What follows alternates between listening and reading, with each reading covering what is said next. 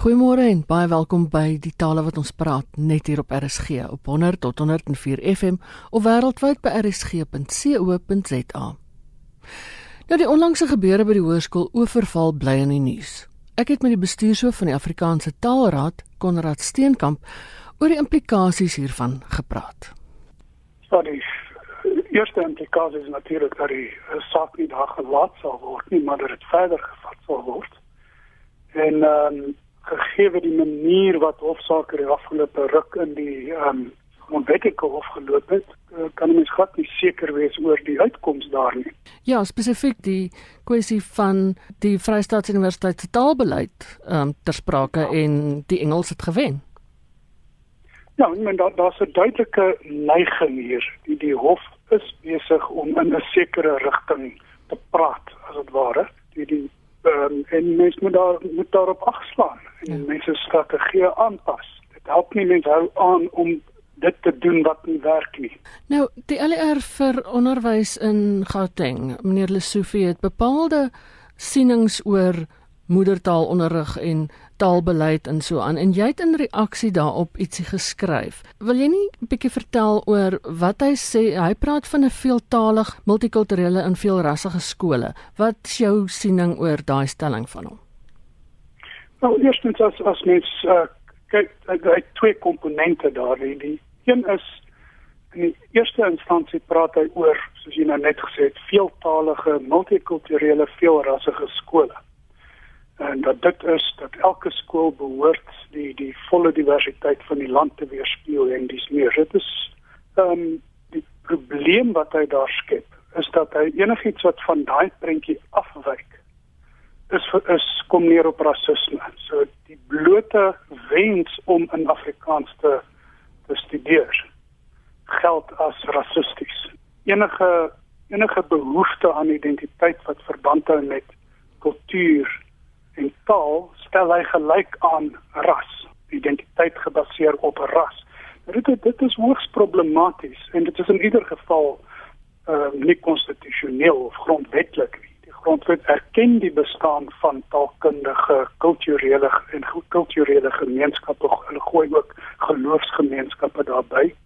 Daar word voorsiening gemaak vir die regte van sulke gemeenskappe. So die idee dat dit rassisties is bloot om in Afrikaans te wil eh, jy het wel hê dat jou kind uh, in Afrikaans moet kan studeer. Dit is heeltemal dis, dis absurd uh, kort gesê. Tweede kwessie daarbey is die idee van 'n 'n veeltaalige onderwysmetode. Dit word nie baie duidelik gestel nie, maar dit is inherënt in wat daar gesê word. Is die idee dat onderwys behoort meertalig te wees. Hy praat daarvan 'n metodologie onderliggend daaraan waar volgens mens per taal as 'n gemeenskaplike taal gebruik. In, in ons situasie sou dit nou meestal Engels wees, maar nie noodwendig uitsluitlik Engels nie en waar ander die, ta die tale wat uh, kinders dan praat as soort van hulptale gebruik word. Nou, dit dit pas in 'n situasie soos in baie van die um, swart woongebiede in uh, Gauteng waar mens effektiewelik mense sit daar met 6 7 verskillende tale in 'n klas en mens kan nou maar verstaan dat daai metode ehm um, aantreklik is. En dit is 'n manier om daar baie tale in 'n klas is om dit te hanteer. Die onderwyser praat dan in Engels. Ehm um, en dan kan kinders onder hulle verduidelik en sê maar Setswana, Zulu of of wat ook al of dan ook Afrikaans. Mens moet egter besef dat so 'n metode slegs een onder baie metodes nog so benadering is moedertaalonderrig wat deur en deur bewys is as 'n baie goeie manier om onderwys te hanteer. Dit is baie effektief. Dit is hoekom UNESCO dit ook so hard druk. Hulle wil hê Afrika regerings moet as die skuif maak na moedertaalonderrig. Die meertalige onderwysmetode is al in verskillende uh, plekke as oral klein projekkies aan die gang om dit te toets. So dis 'n eksperimentele metode en mense moet voortgaan om dit te toets maar dit sou baie onverantwoordelik wees om daai metode nou deur die bank te wil gaan staan en aanwend. Daar sit mense dan mense beland dan amper terug by die die daar wat hulle gesê het ons gaan nou 'n uh, uitkomsgebaseerde onderwys loods. En dit was ten spyte van weerstand, ten spyte van die feit dat onderwysers nie daarvoor opgelei was nie. Die gevolg daarvan was onbedoelde gevolge. Die dit het die onderwysstelsel onder geweldige druk geplaas. Nou indien dat die bedoeling is dat hierdie metode ook so uitgerol moet word, loop mens ook 'n enorme risiko vir onbedoelde gevolge. Die onderwysers is nie opgelei om die metode te gebruik nie. Een van die sleutelgoed wat hulle nie het nie, is hoe bestuur mense hulle weet nie noodwendig hoe om wat effektiewe taalbestuur is nie. Mens moet eens na die UNESCO goed kyk. As taal in 'n meertalige konteks nie ordentlik bestuur word nie, dan gaan die dominante taal homself deursit. Met ander woorde, die groot onbedoelde gevolg hier kan tweeërlei wees. Gevolge. Een is die verengelsing van skole. Met ander woorde, dat Engels dominant word in hierdie meertalige skole en tweedens dat moedertaalonderrig vernietig word.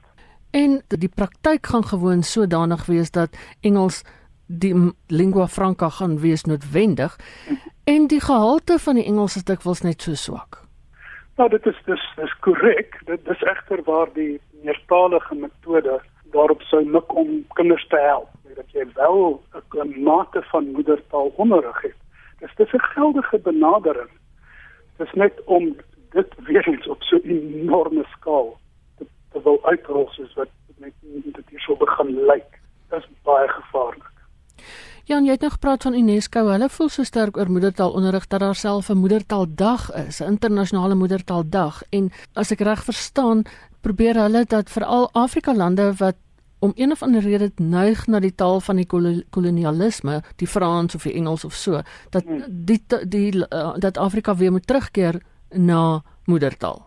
Ja, ab, absoluut. Uh die die sleutel gevolgtrekkings nou in 'n onlangse uh, UNESCO studie hieroor is soos volg. En hoor nou, mens gaan onmiddellik hoor wat mense sê in die agtergrond wanneer ek hierdie goed sê. Die een is moedertaalonderrig is nie duur nie. En van die mees algemene argumente wat ons altyd hoor is dit is te duur. Ons kan dit nie bekostig nie wat ons werklik nie kan bekostig nie is 'n onderwysstelsel wat misluk. Ons kan dit nie bekostig dat soveel jong mense nie matrikuleer nie of dan baie swak matrikuleer of dat soveel studente hulle eerste jaar universiteit eenvoudig eenvoudig net nie die mas opkom nie en uitval. Hierdie kwessies kan by wyse van moedertaalonderrig ordentlik aangespreek word, maar kwessie van politieke wil. Hier is 'n enorme sê nou ideologiese momentum agter die situasie waarin ons ons ons bevind. Die idee dat Engels die gelykmaker is. Dit is dis alles goed waaroor ons gaan moet praat. Hier, ons het werklik hier 'n nuwe gesprek oor taal nodig. Gaan van vooraf moet begin. En ons gaan met ernstig besin oor hoe ons oor taal praat en die strategieë en taktieke wat ons gebruik die minister van basiese onderwys Andy Motshekga het nou 'n interessante ding oor die naweek gesê oor Afrikaans dat mense nie Afrikaans sommer net kan wegwens of wegwerk nie en dat dit en dit was so interessant dat sy dit so genoem het dat dit 'n hoogs ontwikkelde Afrika taal is. Ja, dit is inderdaad interessant dat sy dit um, op daai manier daaroor praat. Sy sal nie die eerste minister in die land in aan seery wees wat in daai rigting praat nie en mens is baie dankbaar daarvoor iemand Afrikaans uit ander oë bekyk as wat in sommige situasies die geval is. Destyds met die skryf van die grondwette is daar 'n talewet tot stand gebring wat voorsiening gemaak het vir al 11 die tale en dat sekere universiteite sekere ander inheemse tale sal neem en verder ontwikkel tot 'n volledige wetenskapstaal en kultuurtaal. Dit het egter net nie gebeur nie. Dink jy dit het te doen met daai politieke wil waarvan jy vroeër gepraat het? Ja, dis dis ehm um, natuurlik verskeie ehm um, uiteenlopende beweegredes hier betrokke. Die een synde daai ideologiese dryfveer van universiteite waarvoor ons universiteite 'n nasionale bate is wat vir die hele volk toeganklik moet wees. kan kan daaroor nie mens kan daaroor nie streeks universiteite hê wat werklik meer fokus op die belange op streeksvlak nie. Daar's daar's 'n teenstelling daar wat universiteite dink ek sukkel om dit te dit te hanteer.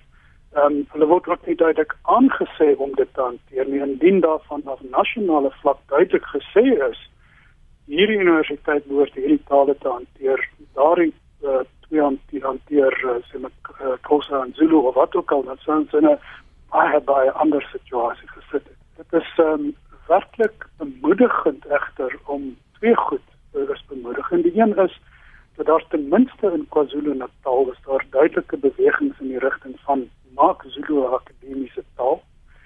Ehm um, nou onlangs is daar in Xhosa 'n dokterstesis geskryf. Dit is by Rhodes gewees. Ek het nie die detail hier reg in my voorkop nie.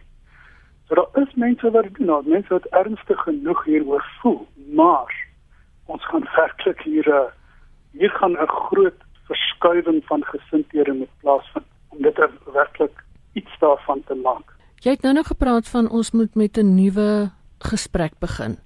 Nou terwyl hierdie oorval ding aan die gang was, was daar 'n boodskap wat die ronde gedoen het wat ongelukkig skade doen aan Afrikaans want gewoon sy trant, nou ja, dit kon 'n opgemaakte ding gewees het wat daarop gemik is om juis moeilikheid te maak.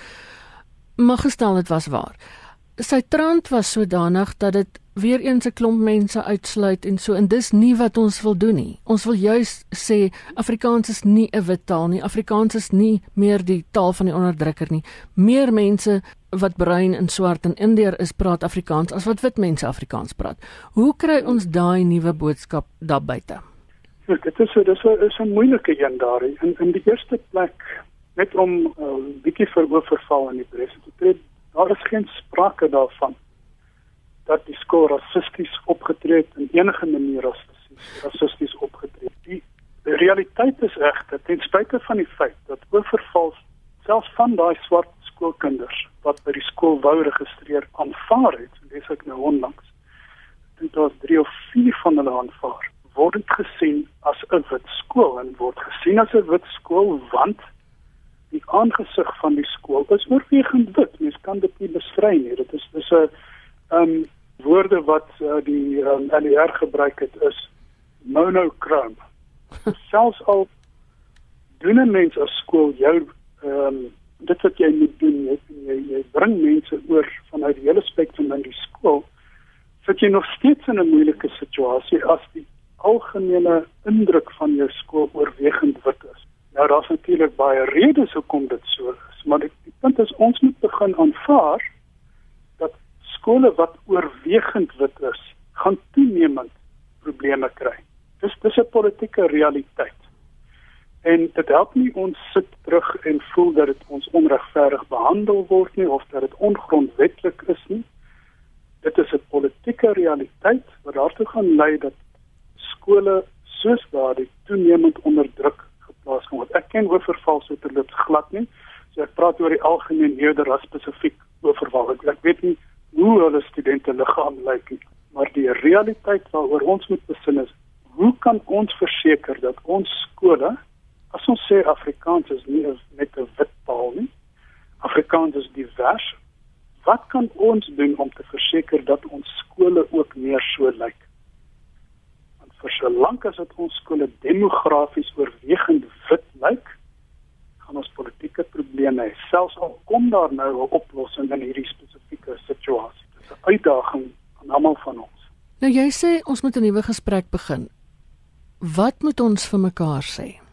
Sjoe, ehm um, wel die die hoof kwessie waarin dit nou gaan is dat Afrikaans nie opgeoffer word of Afrikaans die doodskoot kry weens 'n rasse kwessie. Nou ten minste in die in die in die Gauteng uh, opset ons ras en verby ehm um, na ideologiese vrees van stamgebondenheid kan kom. Ja. Ons moet oor taal kan praat. Dit is nie en ons moet verby al die vooroordeele heens taal kan kom. Terselfdertyd moet ons aanvaar dat Afrikaans binne 'n sekere politieke konteks uitgeleef word. Ons moet sensitiwiteit daarvoor hê. Dis 'n realiteit. 'n oortuigingstaak. Daai oortuigingsstaak kan ons nie in Afrikaans doen nie. Dit moet in Engels gedoen word sodat almal kan verstaan. Nou, ja, men dis daar ehm um, as as 'n mens uh, dit beteken nie dat mens nie in Afrikaans moet praat nie. Al mens mens gaan voort en mens praat in Afrikaans, maar jy gaan nie die koppe draai wat mens moet draai, jy net in Afrikaans te praat. So, ja. Al die artikels wat in Afrikaans verskyn, radiogesprekke soos hierdie, ons behoort dit ook in Engels te doen. Want uiteindelik geld dieselfde argumente tog sekerlik vir 'n skool wat eentalig Zulu kinders het of Tswana kinders of wat dan ook al. Ja, ab absoluut. Ek meen as jy kyk na die argument wat nou gebring is teen skole wat ehm um, dat skole nou rassisties is, blootwens die feit dat hulle in Afrikaans wil studeer. Vraag kom dan onmiddellik by mense op. Wat dan van die Wenda skool in Mamelodi? Ons Wenda skool mense stuur nie hulle kinders so toe as hulle nie wenda magtig is. Hoekom is dit toelaatbaar? Wat van as kultuur nou uh, ook 'n uh, ras rassistiese probleem sou wees? Wat van stokgevegte by 'n uh, uh, tradisionele Zulu troue? Is dit mens moet dieselfde reël op almal kan toe kan toepas.